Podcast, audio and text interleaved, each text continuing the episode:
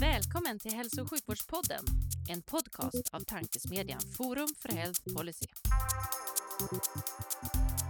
I den här podden möts frågor om hur vi kan få bättre hälsa med frågor om vilken politik som krävs.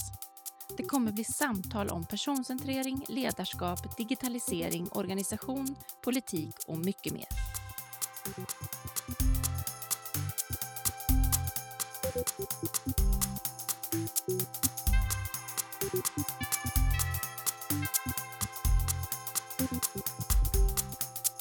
Hej och välkomna till Hälso och sjukvårdspodden, tankesmedjan Forum för Health Policys initiativ för att sprida goda idéer och tankar kring dagens och framtidens hälso och sjukvård och omsorg.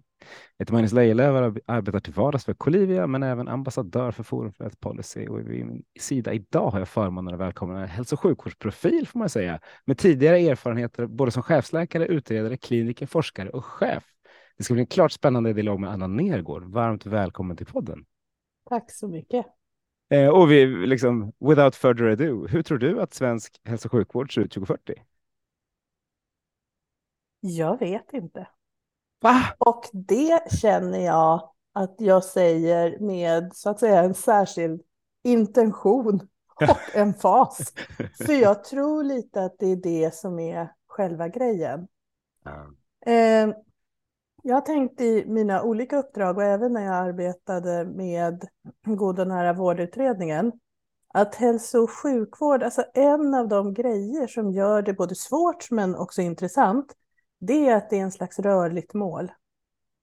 Alltså det är så många faktorer som hela tiden ändras.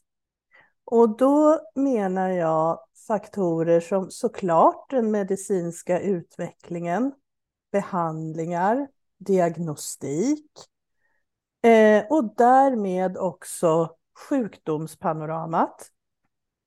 Eftersom många sjukdomar liksom hänger ihop eller följer på varann.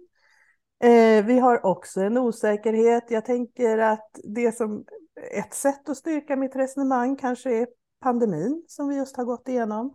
Alltså vi vet inte vad som väntar runt hörnet. Och jag tänker att det är nog eh, på gott och ont också lite typiskt för vår samtid. Att saker och ting ändras ganska snabbt. Och det här leder mig till att tänka att det hänger ihop med hur vi utvecklar våra hälso och sjukvårdslösningar och våra hälso och sjukvårdssystem. Eh, därför är det en sak som vi vet, så är det att vi inte vet vad vi har framför oss. Och med den tanken i bakhuvudet så tänker jag att då måste man jobba kanske mer eh, än tidigare på systemnivå med infrastrukturen, arbetssätt och metoder. Det blir liksom andra typer av frågor som är viktiga, tänker jag, när man har det här klart för sig att en viktig del i ett hälso och sjukvårdssystem är möjligheten till flexibilitet. Mm. Eh, och jag tänker också att det här hänger ihop med de tankar man har haft inom inte minst eh, kris och beredskap och patientsäkerhet kring resilience. Och, alltså systemets möjlighet att fungera och härbärgera eh, oförutsedda händelser. Så nej, jag vill inte spekulera i hur, hur hälso och sjukvården ser ut 2040, för jag tror att det, det kan vara på olika sätt och det finns olika sätt att ta sig dit och det är det som är själva grejen. Mm. Om man tittar tillbaka då, om vi, om vi går 17 år tillbaka i tiden, eh, så känner jag att 60 procent av, av det som var hälso och sjukvård då är typ samma sak som idag och 40 procent är jätteskilt från det. För vissa saker känns ju inte som de ändras alls liksom hur vi, hierarkier, strukturer, hur vi sätter upp system. Visst, vi omorganiserar lite till och från, men det finns ju ganska mycket likheter ändå. Och sen så är det, är det massa, massa framsteg som, som går hysteriskt snabbt. Är, är det liksom, tror du att det är någonting som kommer finnas kvar 2040 eller tror du att, liksom, för nu förstår jag att du inte vet mm. och, det, och det är lite poängen. Men jag, jag, jag bara, när, man mm. när man tittar tillbaka så inser man att det, det är vissa, vissa saker som vi är fast i. Ändå. Fast jag tycker inte det. Jag tycker det är mycket som har ändrats som du säger. Hur lång tid sa du? 17 år? Ja, men jag tänkte om jag tänker 2040 så går jag tillbaka. Ja, precis. Eh, nej, men, eh, nej, men jag tycker faktiskt inte det. Eh, du nämnde... Så du, ty du, tycker inte, jag tycker vårdcentralen är navet, jag tycker sjukhusen är ja. rätt indelade utifrån specialitet ja. mycket. Jag ja. tycker att vi fortfarande inte drivs av så mycket data utan snarare av, av, historik. Det Nej, finns men... några saker som jag tycker är ganska, ganska stabila. Jag skulle nog säga att alltså, en ingång i, i mitt utredningsarbete och i tankarna där, det var ju den eftersatta primärvården. Jag tycker inte att primärvården historiskt har varit navet i svensk hälso och sjukvård. Jag tycker akutsjukhusen har varit det. Jag tycker absolut på senare år, både föregående min utredning och senare, att fler pratar om hur viktig primärvården är. Och framför allt att man gör det i sjukhusmiljöerna. Eh, jag tycker att under min yrkesbana, jag är kardiolog och internmedicinare från början, men jag tänker det kardiologiska perspektivet, så var vi ganska få som pratade förebyggande insatser längre tillbaka i tiden. Idag pratar alla förebyggande insatser. Jag tycker att vi har förflyttat oss när det gäller interprofessionell samverkan. Det är också ett område där kunskapen har ökat väldigt. Och fler och fler förstår att det handlar inte bara om piller och operationer, utan det handlar också om förebyggande insatser, rehabiliterande insatser, omvårdnad är ett område som, där kunskapen har ökat, inte minst så att säga, inom forskning och den akademiska kunskapen. Så jag skulle nog säga att jag tycker väldigt mycket har förändrats de senaste 17 eller 20 åren. Eh, och jag tror att det är mycket av det jag nämnde nu är också den utveckling vi kommer att se framåt. Men jag håller med dig om att då måste också eh, våra både arbetssätt och strukturer, eh, inte minst det här med att vi fortfarande, trots den här ökade kunskapen, utgår så mycket från organisation, diagnos, organ. Det är liksom det som måste ändras. Men jag tycker att det finns en slags underliggande rörelse och en ökad kunskap, också ökad faktakunskap om alla de här olika entiteterna eh, som gör mer och mer insteg också på systemnivå håller med. Jag blev mer orolig när du säger att vi pratar mycket mer om, för det är väl oftast det som, som händer. Vi pratar mer om att primärvården ska vara navet. Vi pratar mer om, vi har inte mm. riktigt kommit dit. Men vi kommer tillbaks mm. till det. Vi kommer tillbaks till din utredning. Vi kommer tillbaks till den lilla granskningen av vad som har hänt sedan din utredning. Men jag tänkte först att alla de som inte vet vem du är, nu tror jag inte att det är så jättemånga av lyssnarna som inte gör det, men kan du inte berätta lite, Anna? Vem är du? Vad gör du idag och vad har du gjort för att komma dit? Den lilla nätta ja, frågan. Den lilla nätta frågan. Ja, vem är jag? Jag är 56 år. Eh, har två döttrar. Eh, började min, ja det är ju inte ens yrkesbarn, men det här man funderar på vad man ska göra. Jag trodde nog en gång i tiden, alltså jag gillar ord och gillar att skriva. Eh, så jag läste litteraturvetenskap och trodde jag skulle bli journalist mm. och har ägnat mig rätt mycket åt musik. Men så småningom så blev det läkarbanan. Och jag tänkte nog hela tiden att alltså det här med styrning och ledning och organisation har alltid intresserat mig. Jag är föreningsmänniska. Jag har, har jobbat med att leda grupper en stor del av mitt liv. Så. Eh, och sen så småningom så fick jag möjlighet eh, att bli verksamhetschef. Eh, och Eh, jag vet inte, det som, som drev mig, det här med att förändra och förbättra. När man blev verksamhetschef, då tänkte jag att det är här det händer. Det är här man kan påverka. Och sen så efter ett tag insåg jag, ah, kanske inte riktigt det, det är nog sjukhusledningen. Och då jobbade jag där och det här var precis när kvalitet och patientsäkerhet seglade upp som väldigt viktiga nya kunskapsområden. Så det är ju lite min bakgrund, förändringsledning och, och eh, patientsäkerhetsfrågor. Så. Så då arbetade jag med det som chefläkare och chef för kvalitetsavdelning. Och sen kände jag, att det är inte riktigt här det händer heller. Så då hamnade jag centralt i det som då var Stockholms läns landsting som chefläkare och så småningom biträdande landstingsdirektör. Och under den tiden fick jag också möjlighet att delta i ett mycket stort antal nationella grupperingar och projekt och som expert i utredningar och så. Eh, och det ledde så småningom fram till då att jag fick det här regeringsuppdraget att leda utredningen som, som eh, fick namnet Samordnad utveckling för god och nära vård. Och så gjorde jag det ett antal år. Eh, sen, alltså jag tycker ju om att utforska och jag tror ofta det har varit så att jag hamnar på platser där alla blir så här, jaha, är hon där nu? Ska hon göra det nu? Så då bestämde jag mig för att arbeta vidare med de här frågorna, men i egen regi. Eh, så nu jobbar jag mycket ihop med regioner, kommuner, patientföreningar, professionsföreningar. Eh, driver fortfarande de frågor och det sätt att organisera hälso och sjukvård som jag tror på och verkligen brinner för. Eh, och sen så gör jag det eh, till stor del då i egen regi och också i samarbete med bland annat Rud Pedersen och Hälsoplan där jag har en del av, av min tid förlagd. Så det är lite grann det. Det mm. som har drivit mig hela tiden, det är faktiskt eh, det här med eh, att utveckla hälso och sjukvården så den blir bra för människor. Eh, och då menar jag både förstås de som ska använda den, men också alla de som jobbar där. Ja, det är två rätt stora frågor som, som, som vi höll på säga, kommer upp varje gång. Så det tycker jag vi tar tillbaka. Men vi kan väl ta den, den goda och nära vården då, eller det spelar inte så stor roll. Vi vill att den nära vården ska vara god och vilken ordning man tar dem. Men eh, det, det kommer en rapport den veckan. Jag antar att du har läst den eftersom det lite handlar om din bebis på, något, på något sätt. Hur, hur, hur, är känslan då när, när man liksom lämnar någonting, fortsätter jobba med det och sen så kommer någon och tittar på och säger att det här, vi har inte kommit så jättelångt. Och, och ändå ser jag precis som du säger att vi pratar på ett helt annat sätt. Det har ju liksom hänt någonting i, i hur vi diskuterar. Men, men när man tittar utifrån så kanske det inte hänt lika mycket som man skulle vilja. Vad är, vad är känslan? Nej, men alltså spontant, om vi börjar med just den rapporten, nej, men det är ju super.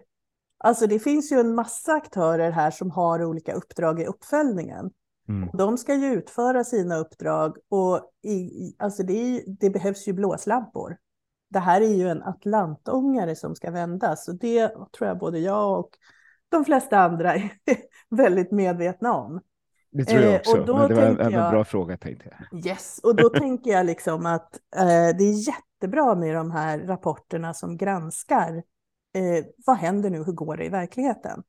Samtidigt ska jag väl säga att eh, det som, som gjorde mig väldigt glad när utredningen avslutades, det var att regeringen och även nu den nya regeringen har vinnlagt sig så mycket om att följa upp att det här blir verklighet. Och det gör ju att den myndighet som har det stora uppdraget i att följa och stödja omställningen till god och nära vård, det är ju Socialstyrelsen. Och de publicerar ju både rapporter, men tar också fram kunskapsunderlag och indikatorer för hur omställningen går.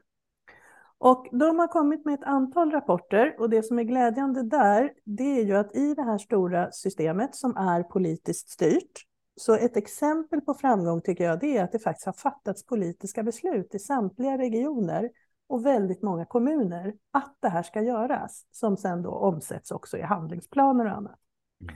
Sen har IVO haft ett uppdrag att titta på tillsynen utifrån sammanhållen sömnlös vård. Och så har Vårdanalys ett uppdrag som handlar om vissa av parametrarna i den här omställningen. Så jag tycker att man måste se det här i en helhet. Eh, och de parametrar som vårdanalys ska följa upp och som handlar om kompetensförsörjningen, bemanningen och inte minst personcentreringen. Hur följer man upp att vården blir mer personcentrerad? Eh, ja, du förstår, där tänker jag att det är att växeldra mellan de här olika uppdragen. Och jag tror inte alls det vore hjälpsamt om det kom rapporter som mer innehöll så här, men det här går ju kanon, det rullar på fint. Utan jag, jag, tycker verkligen att den här blåslampan är alldeles nödvändig. Mm. Så jag tar del av alla rapporter som kommer och jag tycker det är otroligt bra att de görs. Mm. Ja, och det är jättebra. Eh, när jag tittar på så, så fick jag liksom känslan att vi, har kommit, vi kommer halvvägs i, i de liksom förslag ni gör, så kommer ni kommer väldigt långt om att säga, men vi, primärvården ska vara navet och så.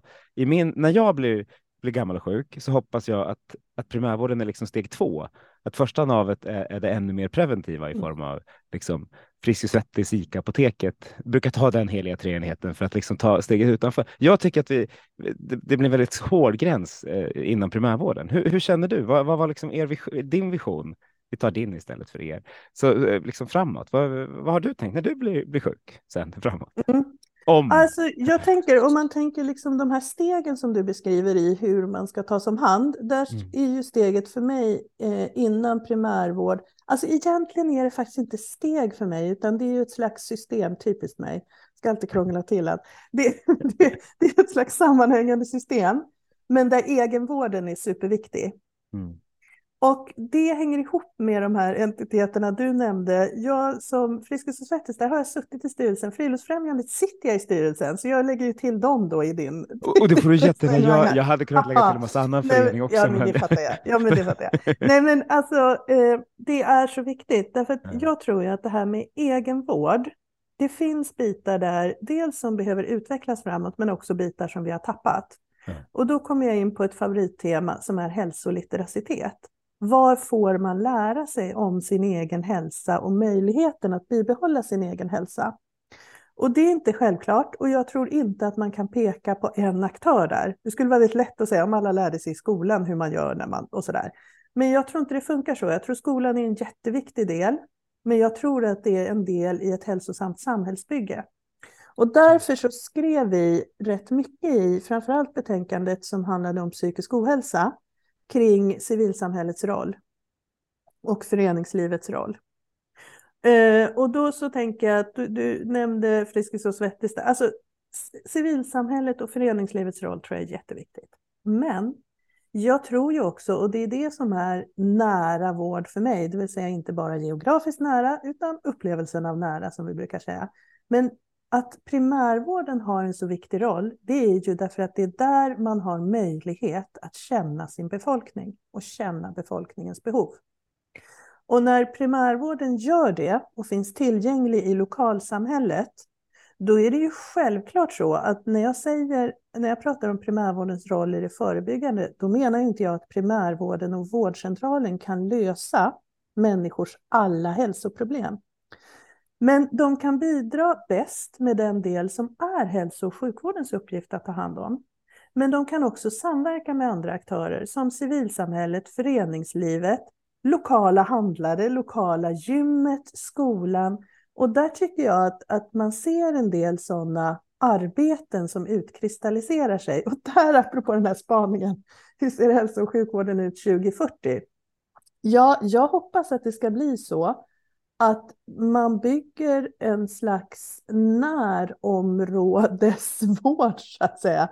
Och då menar inte jag bara ur hälso och sjukvårdsaspekt, utan att kommun, region tillsammans med andra aktörer i lokalsamhället står för det här så att säga eh, hälsosamma sammanhanget för människor. Mm. Så tänker jag. Mm, ja, det är en bra tanke. Och det, jag skulle vilja att man kopplar ihop datan runt omkring så att liksom, det, när, när jag nu, om jag nu har Frisksätter som min vårdgivare, eller man säga, det vill säga innan vården, men det är där jag håller på att vara preventiv eh, och försöker äta och röra mig och så där, så ser ju min telefon hur mycket, när jag börjar närma mig något som är ohälsosamt. Och då skulle jag vilja att det kommer en signal från vården. Det är min vision av den liksom nära vården, att vården är så nära mig så att den har koll på vad jag gör. För mig är, är det liksom inte något integritetsproblem, för jag skulle verkligen vilja dela all min data Mm. eh, på ett sätt som gör att jag kan ko- komma in till min väldigt nära vård när, när jag väl behöver den. Ja, där tänker jag också att eh, då kommer vi också in på ett annat favorittema, affordability och vad som är hälso och sjukvårdens uppdrag. Ja, det är För absolut. där, där tänker jag liksom att med datamängderna så följer ju också ansvaret att ta hand om det. Och där tror väl jag att där, det är väl en sån fråga, apropå att jag pratade om att, att jag tror att vi behöver jobba mer med en del infrastrukturfrågor och principiella frågor. Eh, och, och där tänker jag med de datamängder vi har och alltså Eh, vi kan inte bara stoppa in mer data och så tänka att det är hälso och sjukvården som tar hand om datat i processen så att säga, utan gränssnitten handlar ju både om vars och ens uppdrag eh, och sen hur vi ska använda den data som genereras på bästa sätt i det systemet så att säga för att stödja det system vi har. Absolut, Eh, men det, det finns ju relativt okej AI-lösningar nu och 2040 tänker jag att det kommer finnas jättemycket som kommer, kommer kunna ta hand om den här datan på, på Ja. ett annat sätt. Det tänker jag också, men samtidigt så blir det ju, eh, för mig är ju det här med data, datahantering, är ju liksom alltid ett verktyg, inte ett mål i sig. Så jag tänker att innan man släpper på all den fantastiska datan och AI-lösningarna så måste man liksom veta och var i systemet hanteras det här? Är vi Ja. säkra på att det här är hälso och sjukvårdens uppdrag? Jag, jag har ju en sida, jag sa att jag, kan, jag komplicerar allt för jag alltid ska prata i nätverk. Men jag har också en ganska formell sida där jag Ja. tänker just att, att uppgift och ansvar måste följas åt. Och, och för mig är det väldigt nära kopplat faktiskt också till governance och den ekonomiska styrningen. Så att vi är säkra på att de medel vi har avsatt, de medel vi, vi tänker oss att använda till hälso och sjukvård också går att använda på bästa möjliga, bästa effektiva sätt utifrån det uppdrag som hälso och sjukvården har. Och för att vara jobbig då, du tror inte att det blir, om vi har mer koll på invånarna och kan använda data för att se vilka som vi verkligen behöver ta hand om, borde det inte bli billigare då?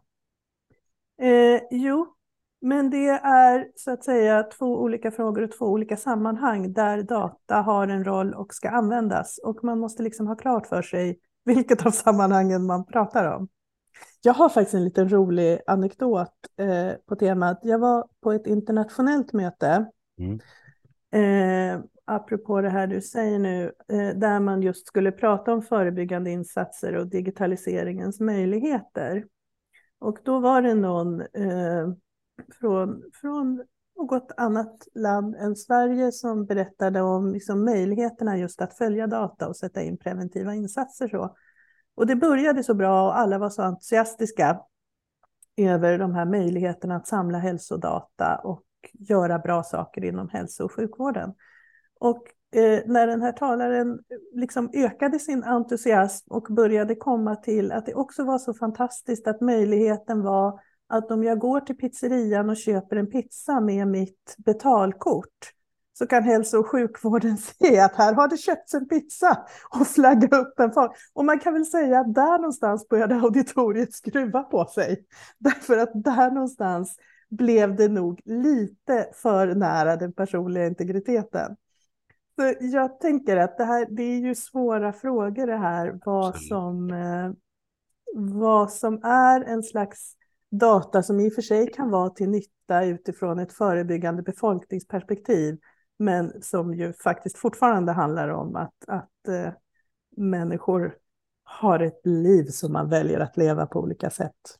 Jo, visst är det så. Visst finns det massa frivilliga val och, och så. Och jag, förstår, jag försöker ju liksom utmana åt ett håll för jag förstår vad man borde tänka och göra. Sen hade jag velat att, att min, min pizzabeställning hade kommit in på liksom kommit in i min app så att jag hade kunnat se hur mycket jag måste träna för att hantera det. Det hade jag, jag tykt var jätteintressant. Jag hade inte stört mig mm. att dela, det med min läkare. Men det är ju jag och jag sticker säkert ut åt ett annat håll. Det finns väldigt mycket medgivande i det där.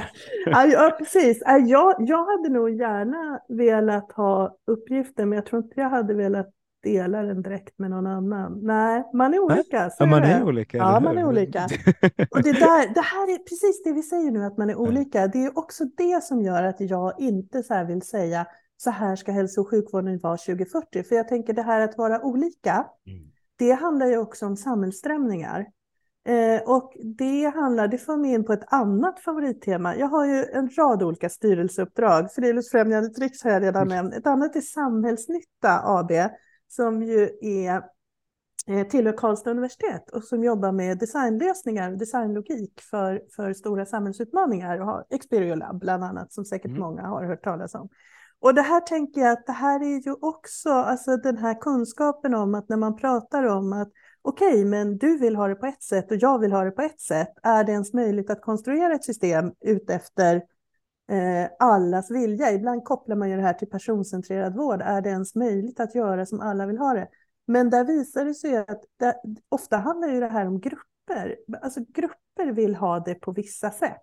Och det enda man kan veta är att det är inte så att alla med högt blodtryck vill ha det på exakt samma sätt. Eller alla eh, som har brutit benet vill ha det på exakt samma sätt i sitt möte med hälso och sjukvården. Men att man däremot kan gruppera och hitta sätt att arbeta utifrån hur ganska många människor vill ha det, utifrån andra logiker än själva diagnosen eller själva så. Så det där tycker jag är spännande. Verkligen. Eh, och det för mig lite in på, på det här just att alla vill inte ha det lika och vi måste liksom på något sätt anpassa oss. För du nämnde ordet flexibilitet som kommer att vara en viktig del inför framtidens hälso och sjukvård. Om jag tittar på sjukvård så är flexibilitet inte riktigt ordet som kommer upp som det första ordet. Framför allt inte för medarbetarna. Jag tycker att det är ganska rigitt hur man, hur man ska jobba, vilka liksom, hur scheman ser ut, hur allting är. Hur tror du att vi kommer kunna möta invånarna och medarbetarnas behov, krav på flexibilitet i sjukvårdssystemet framåt? Också en Eh, liten nätt ja. fråga va? Ja, men alltså jag tänker att det är precis det jag har, eh, har varit inne på. Eh, jag, jag tror att vi måste bli väldigt mycket bättre på det. Att det är liksom, inte minst då om vi kommer, det kommer vi säkert in på, kan jag tänka mig i det här samtalet, kompetensförsörjningen. Alltså vi, vi måste kunna eh, vara mer flexibla än vi är idag. Och det är precis då man kommer till det här att då kan man ju först bli alldeles så här, men hur ska vi kunna vara flexibla på 10 miljoner olika sätt utifrån de önskemål som finns i befolkningen? Men som sagt, jag tror att där finns det kunskap och metoder för hur man kan arbeta med vad är viktigt för en viss grupp? Vad är viktigt för de här människorna? Eller till och med den här typen av lösningar passar för den här gruppen av människor. Så jag tror inte att det, det visar, så, så, så unika är vi inte. Det kommer inte att behövas 10 miljoner olika varianter. Men det kanske behövs tre i varje fall. Det kan behövas fyra olika varianter. Jag tänker på arbetet som SKR gjorde med alltså, hur, hur man som patient vill bli bemött. Vissa vill ha mycket stöd, andra vill göra mycket själva. Mycket. Så att det går att göra sådana kategoriseringar och att utforma sina lösningar utifrån det. Men då kommer man ju in i det som är kärnan i både personcentrerad vård och, tycker jag, arbetet med tjänstedesign och tjänstelogik. Så här, då måste man ju fråga folk. Hur vill ni ha det? Eh, vad skulle funka för er här? Och det här tror jag är eh, så att säga eftersatta sätt att arbeta. Såväl när det gäller eh, själva vårdens utformning som när det gäller eh, medarbetarnas utformning av arbetsplatser.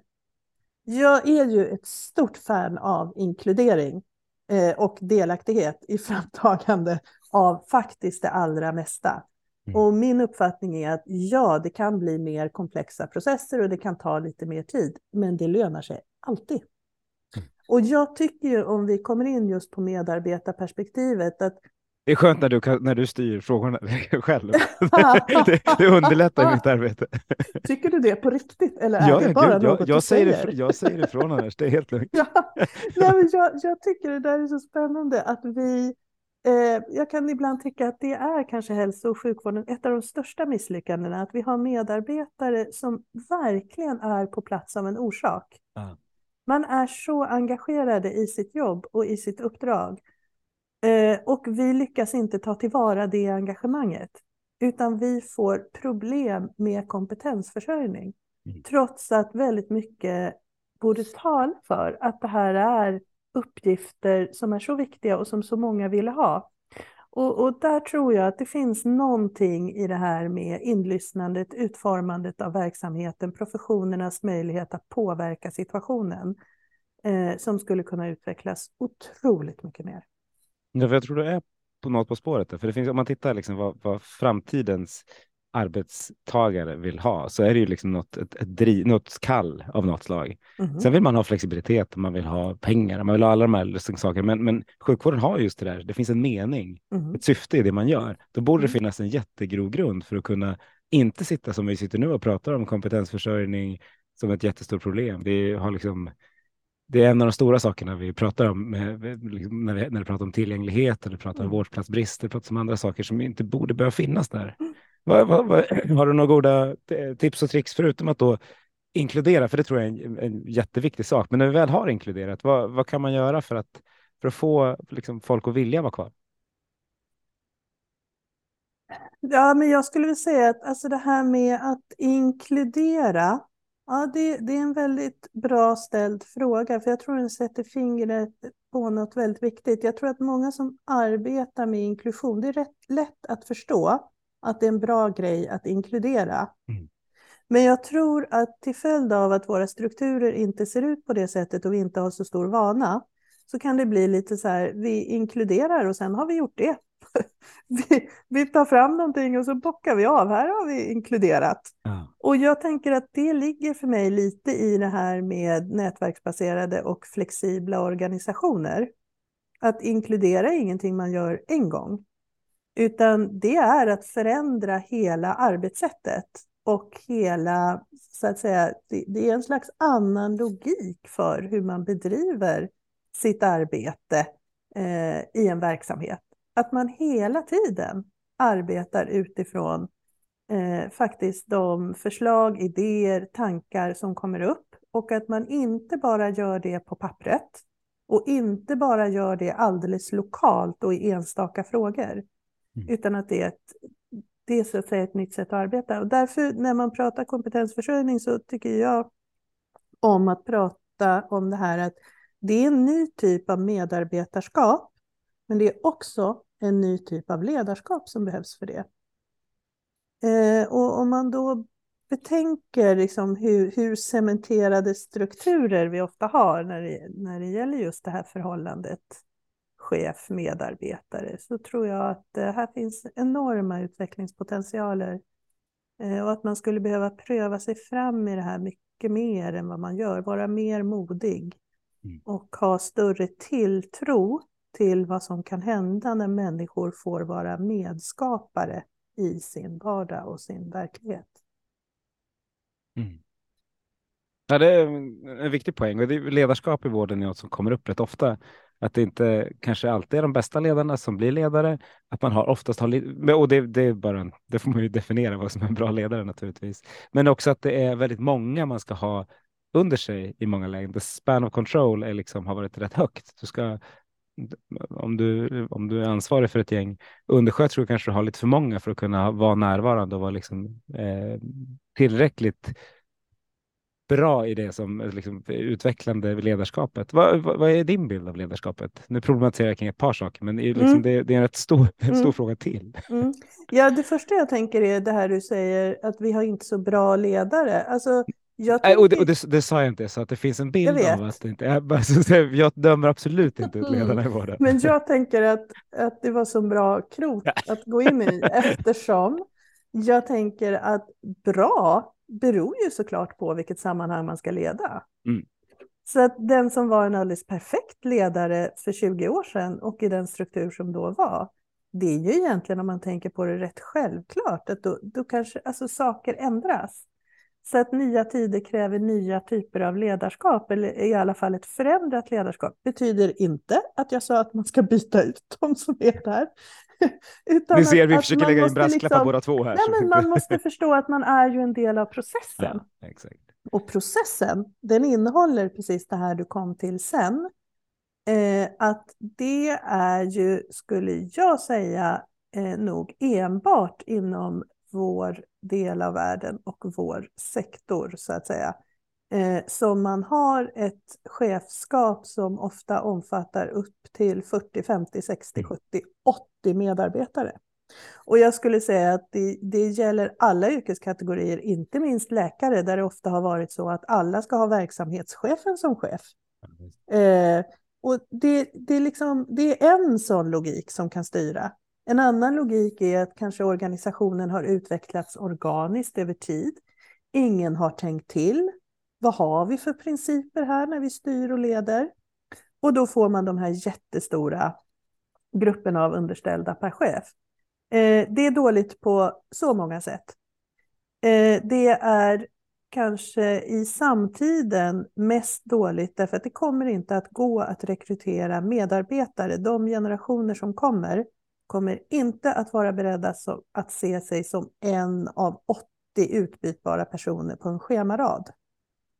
Utan på samma sätt som jag gärna pratar om att sjukvården behöver komma tillbaka till bli mer relationell när det gäller kontakten med patienter och närstående, så tror jag att det också gäller eh, medarbetarnas behov av det här relationella, ett relationellt ledarskap.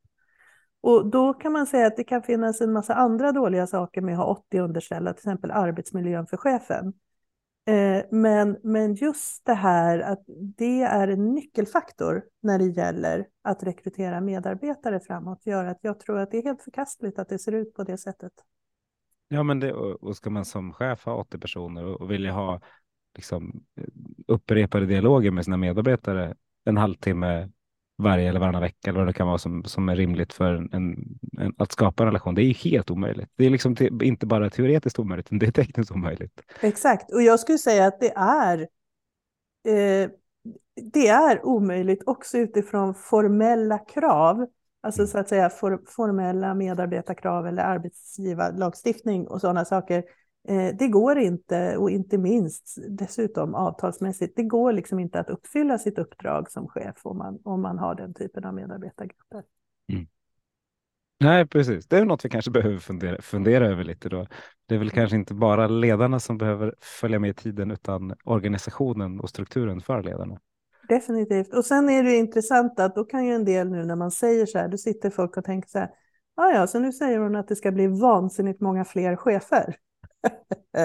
och det tänker jag att nej, det är inte säkert att det behöver bli det.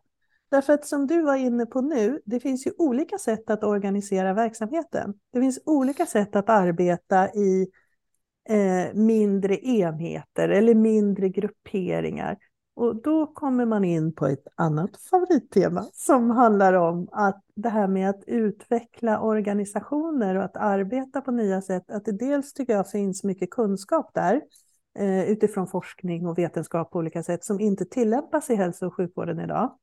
Men också tror jag att det här är ju ett område som mycket mer skulle behöva beforskas. Mm. Så att vi lär oss mer, hur ser moderna hälso och sjukvårdsorganisationer ut? Hur blir de funktionella utifrån de krav och förväntningar som ställs? Och inte minst utifrån att vi faktiskt ska ha folk som vill jobba där. Absolut, det låter som uh, ljuv musik. Det är klart vi måste göra det. Mm. Eh, när du satt som chef på uh, SÖS och hade liksom den här, skulle ha den breda hatten, eller ja, breda hatten, vad kan det vara, det breda perspektivet. Eh, hur, hur var din relation till vårdcentralerna, primärvården runt omkring, till kommunerna runt omkring, till det här som du nu förstår är liksom nyckeln, att vi, att vi pratar med, mellan olika strukturer. Hur, hur, känner du att det var? Alltså det är så roligt att du frågar, för nu slängs jag tillbaka till min ST-tid, så kommer jag ihåg att någon av de andra ST-läkarna på kardiologen, alltså kardiologi är ju rätt så här, ja men du vet, det, det är lite flashigt ibland. Folk vill gärna jobba liksom med den intensivvårdande delen eller med, med eh, PCI såklart, ballongdilatationer eller pacemakers. Så det var någon av mina ST-läkare någon gång som sa, det är så bra med dig för du vill jobba med de här sakerna som ingen annan vill jobba med. mitt, mitt, första ledningsuppdrag, det var faktiskt hjärtrehabiliteringen. Ja. Och sen det är typ min lägst status av alla sådana, eller?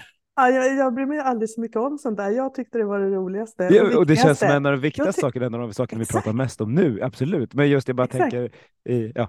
Ja, ja, nej men där kände jag ju alltid, men tusan, vi lägger supermycket pengar här på en massa insatser och bypassoperationer och whatever så här. Men vad som händer sen, det, det är inte så jättemånga som är i det spåret så att säga. Så då tyckte jag det var kul. Eh, och sen så eh, hade jag också ett eh, ledningsuppdrag för mottagningsverksamheten eh, på klinikerna innan jag blev verksamhetschef.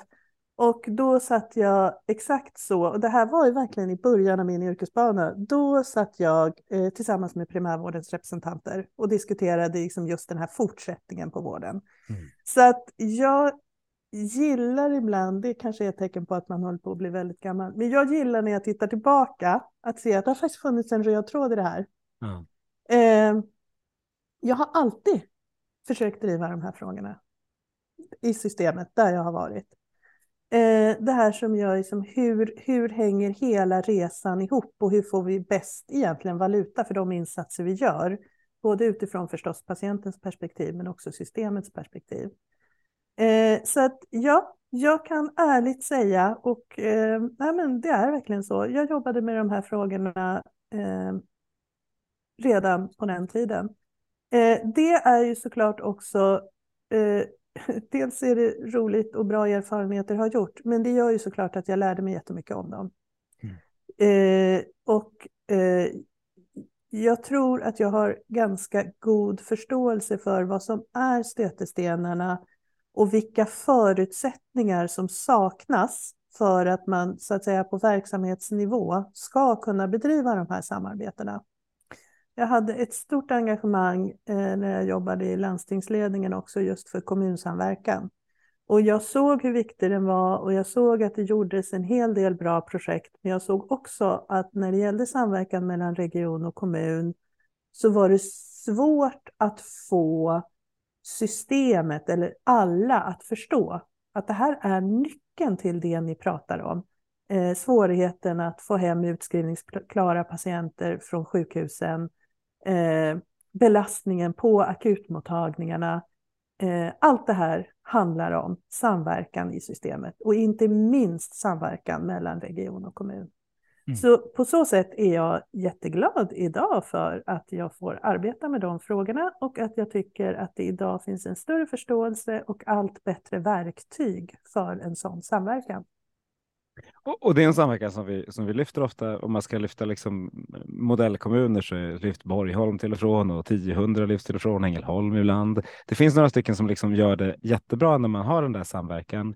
Delar av det blir lite dyrt sägs det. Eh, delar av det verkar vara hur bra som helst fast det passar för att det är liksom lite mindre ett lite mindre ställe. Men vad tror du, varför, varför har vi inte, varför har vi inte 1000 över hela Sverige? Ja, åh, nu tänker jag flera saker. Det att du, jag tänker... Jag, jag dummar mig ofta och ställer flera frågor på en gång, vilket ju ja, liksom är stökigt för dig. Okay. nej då. Eh, nej, men alltså det ena är att goda exempel. Jag gillar mycket att lyfta goda exempel, men goda exempel är ju aldrig en kokbok för så här ska alla göra. Utan i det goda exemplet ligger ofta att det har varit många steg och en lång process innan man har kommit dit man är.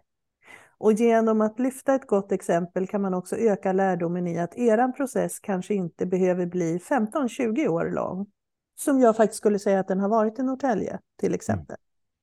Eh, när man tittar på Borgholm så måste man förstå att vårdcentralen, Åke Åkesson, fantastiska insatser, men väldigt mycket av det som handlar om Borgholmsmodellen handlar om socialtjänstens insatser.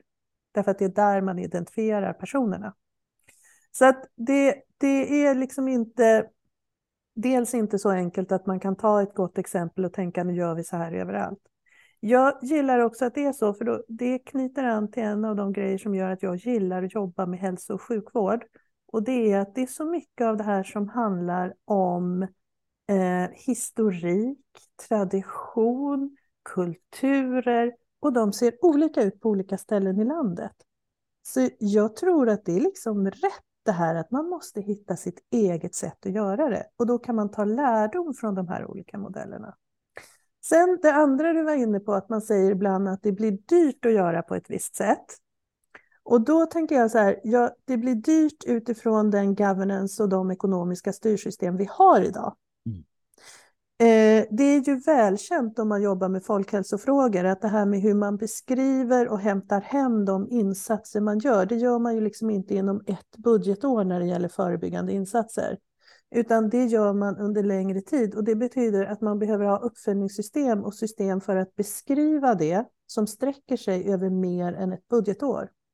Nu blir jag väldigt teknisk. Det här lirar liksom inte alltid med våra budgetprocesser och med kommunallagen. Men det är självklart så att om man vill så går det att beskriva det här på ett sätt som liksom inte bara utgår från den momentana logik vi ofta har i våra beskrivningssystem. Mm.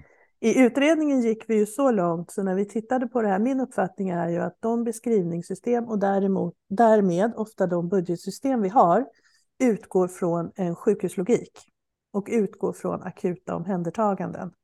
Och jag tror att vi måste bli bättre på att hitta beskrivningssystem som också täcker in primärvården och kommunal hälso och sjukvård.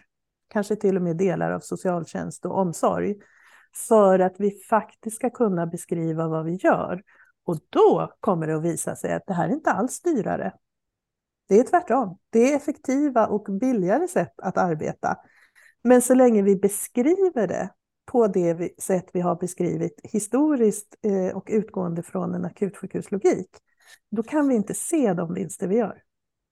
Jag håller med, kan inte hålla med mer.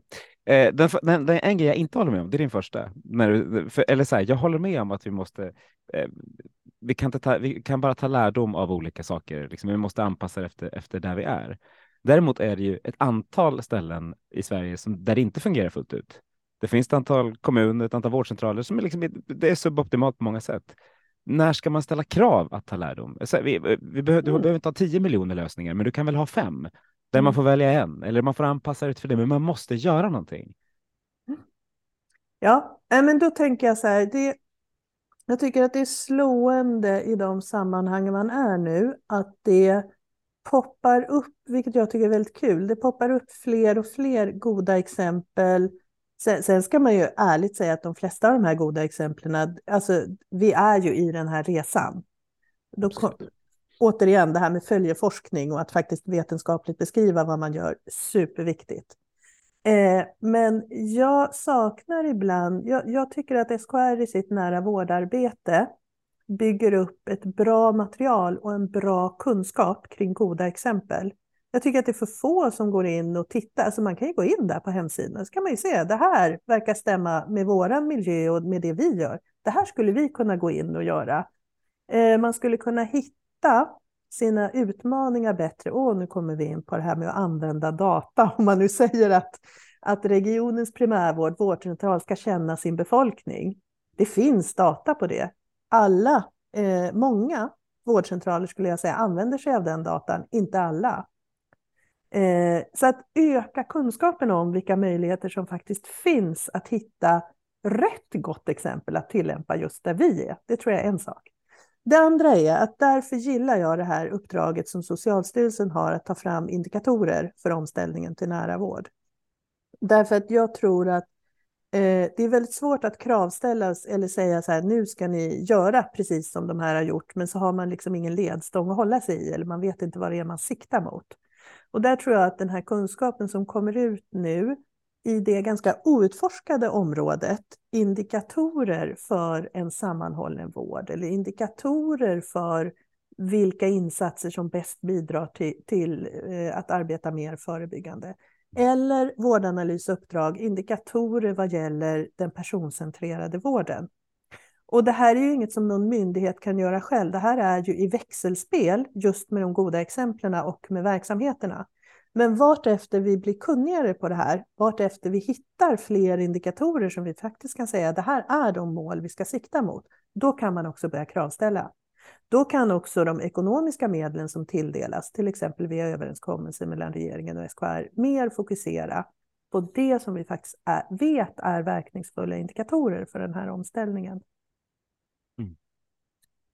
Det låter som en, en bra möjlig lösning. Då kanske vi kan se, ha hopp om det där helt enkelt.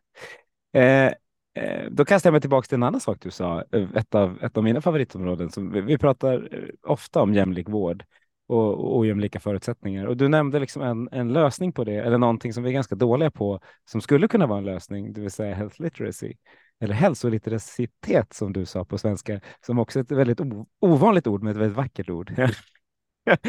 Vad, hur, hur, tror du att vi ska bli bättre på det här? För, det, för, för mig, liksom att, vi, att det är så ojämlikt när man åker en tunnelbanelinje i Stockholm från ett ställe till ett annat så liksom, eh, kan få, ha folk mycket sämre förutsättningar för att både överleva eller ha, ha ett bra liv.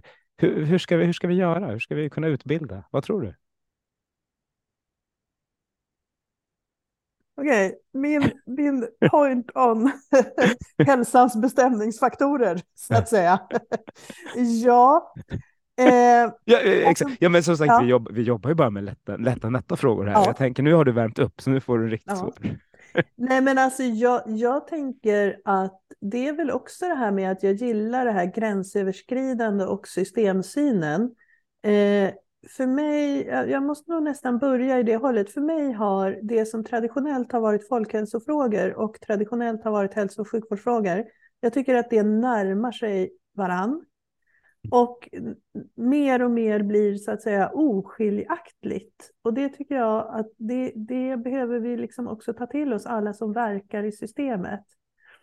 Eh, där, och det har att göra med att, att jag gillar ju nu för tiden att prata om det här med att, att vi slår oss ofta för bröstet med våra goda medicin, för våra goda medicinska resultat i Sverige och det är fantastiskt att vi har dem.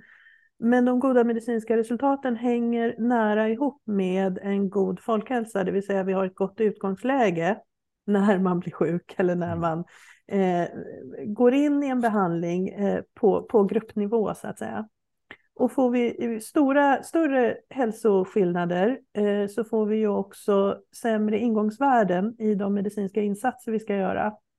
Eh, och därför är folkhälsofrågorna och den jämlika hälsan så otroligt viktigt för att vi ska kunna bibehålla en god eh, hälso och sjukvård som vi faktiskt har förutsättningar att ha ekonomiska resurser att klara av. Mm. Eh, och, och då tänker jag att den här kunskapen, det är ju lite det som ligger till grund för att, att för att få den här eh, jämlika folkhälsan, då finns det många insatser som behöver göras.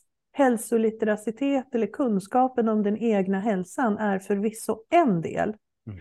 Men även den delen kommer ju att vara lättare att ta till sig för resursstarka personer eller områden om vi pratar ja. om tunnelbanelinjen, än för andra.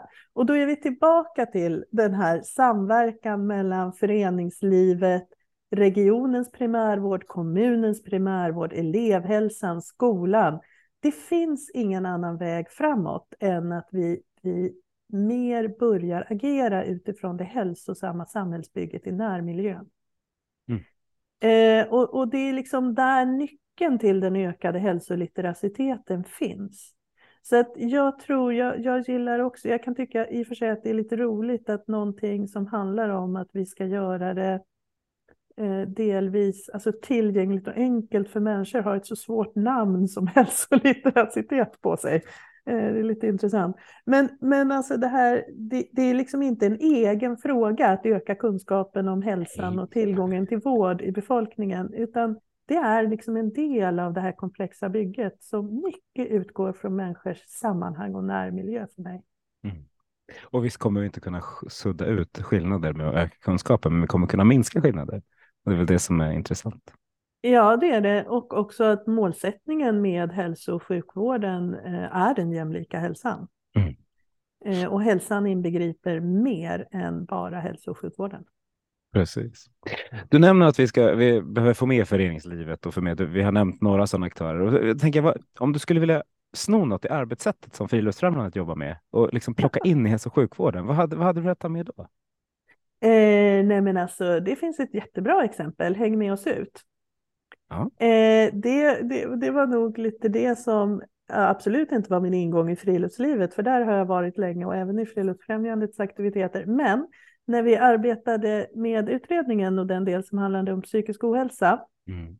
så hittade vi det fantastiska exemplet som, som startade i Skåne, eh, där man eh, inom Friluftsfrämjandet tillsammans med socialpsykiatrin vände sig till personer som av olika skäl för sin psykiska ohälsa eh, hade en isolerad tillvaro eller en ensamhetsproblematik och som via eh, Friluftsfrämjandet och de aktiviteter som man gjorde då tillsammans mellan kommunen och Friluftsfrämjandet eh, fick möjligheter att faktiskt komma ut på ett helt nytt sätt och också vilka goda effekter det hade på den psykiska hälsan. Mm. Eh, och det här beskrev vi som ett gott exempel och glädjande nog så är det här sedan något, något som i Friluftsfrämjandets regi har spritts över landet och som också har fått medel eh, för att kunna spridas och tas vidare. Det här tycker jag är ett lysande exempel på samverkan mellan i det här fallet då kommunen och eh, eh en eh, ideell förening. Mm. Är det något i styrningen eller ledarskapet inom Friluftsfrämjandet som du hade velat ta med till styrningen och ledarskapet i hälso och sjukvård? Eh, det är ja, väldigt olika verksamheter. Men jag det är klart att, det att, jag måste säga att det, alltså jag kan säga, det, det är ju inte det enda ideella styrelseuppdrag jag har haft, så jag skulle nog ve, mer vilja generalisera till att säga att det som föreningslivet har, eh, det är ju en, kanske det här vi var inne på, en bättre förmåga att ta hand om engagemanget från medlemmar. Det är ju liksom det som är hela grejen i en ideell förening. Den finns ju inte om inte medlemmarna har ett engagemang. Och det kanske gör att ett ledarskap, eh, jag har inte tänkt så mycket på det här så jag trevar lite nu, men men jag tänker att det påverkar ju hela ledarskapet och sättet att styra och leda. Det är engagemanget från medlemmarna som är hela grejen. Mm. Och det tror jag hänger ihop lite med det här som jag söker efter inom hälso och sjukvården, hur vi bättre kan kanalisera medarbetarnas vilja att faktiskt bidra och göra bra saker. Och att just den här möjligheten att få bidra, det är liksom något slags djupt mänskligt i det, att, att det ökar välbefinnandet. Mm. Man vill få vara med och bidra. Det sista man vill är att få höra att man är en bromskloss och bakåtsträvare. Och tyvärr så är det ju där vi hamnar ibland när vi pratar om hälso och sjukvårdens organisationer. Medarbetarna känner inte alls att deras vilja att göra bra saker eller deras förutsättningar att göra bra saker för patienterna, att det liksom tas om hand på ett, på ett eh, tillräckligt bra sätt. Mm. Så det är någonting i det tror jag, som, eh, som där jag tänker att hälso och sjukvården har mycket att lära. Mm. Och det handlar mycket om förutsättningar, för några av de här personerna som kallas bromsklossar är bland de mer innovativa personer jag träffat, men som hamnar i en sits där man till slut blir en bromskloss för att systemet inte tillåter en att ta ut ramarna. Ja, precis. Och då är det igen det här med att att det här, alltså man vill ju gärna, jag är också sån ibland, man skulle gärna vilja att det finns en enkel process för hur saker blir bättre. Eller ritar vi bara om rutorna på ett annat sätt så ska det nog bli ordning och reda på det här. Men alltså det är inte så det funkar med utveckling, utan den måste vara mer dynamisk. Och det betyder att man kan som person också, det där funderar jag mycket på, man kan gå från att liksom verkligen vara och uppfattas som framåt drivande till att plötsligt så har saker och ting sprungit förbi en så plötsligt mm. sitter man istället och bromsar i, i systemet. Så här. Det, ja, det är jätteintressant det här med, med roller och, och eh, ja, är väl också en del i att saker förändras över tid. Ja, precis, och personlig utveckling eller avveckling mm. eller vad det kan vara. Mm. Vi har suttit och pratat nu ungefär en timme. Eh, som sagt, tiden går rätt fort när man har kul. Eh, vad, när du kom in i det här digitala rummet, Anna, var det något du hade velat prata om som du kände att det här har vi inte belyst? Ja, alltså nu sa ju du också att jag föregick frågorna, så att då får man väl ändå, då får man liksom ändå säga att det är väl då mitt eget ansvar lite grann var vi har hamnat. Så att utifrån det så känner jag mig ganska nöjd får man säga. Nej, men jag, jag tycker att jag har väl ändå pratat om sådana saker som ligger mig varmt om hjärtat och som vanligt så, så landar det ju liksom mycket i att det är svårt och komplicerat, men det finns också vägar framåt. Ja, men exakt. Det väl, låter väl som jättebra slutord och du har inte alls behövt styra allting, utan jag har tagit lite ansvar i alla fall. men tack så mycket Anna för att du var med i Hälso och sjukvårdspodden och tack för ett trevligt samtal. Tack. Då går vi ut och förändrar svensk hälso och sjukvård till det bättre.